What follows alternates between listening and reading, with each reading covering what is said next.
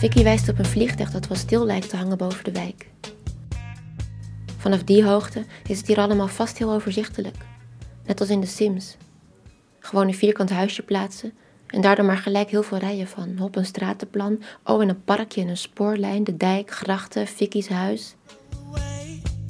Heel misschien zien ze zelfs wel onze fietsen tegen de heg staan. En dat iemand in de Rediefstraat witte verf gemorst heeft, die door de fietsers en automobilisten bijna helemaal tot aan de C1000 verspreid wordt. In steeds smallere witte banen.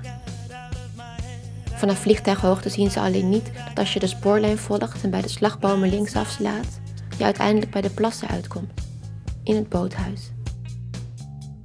Hoe hard je van de spoorreiling naar beneden kunt fietsen.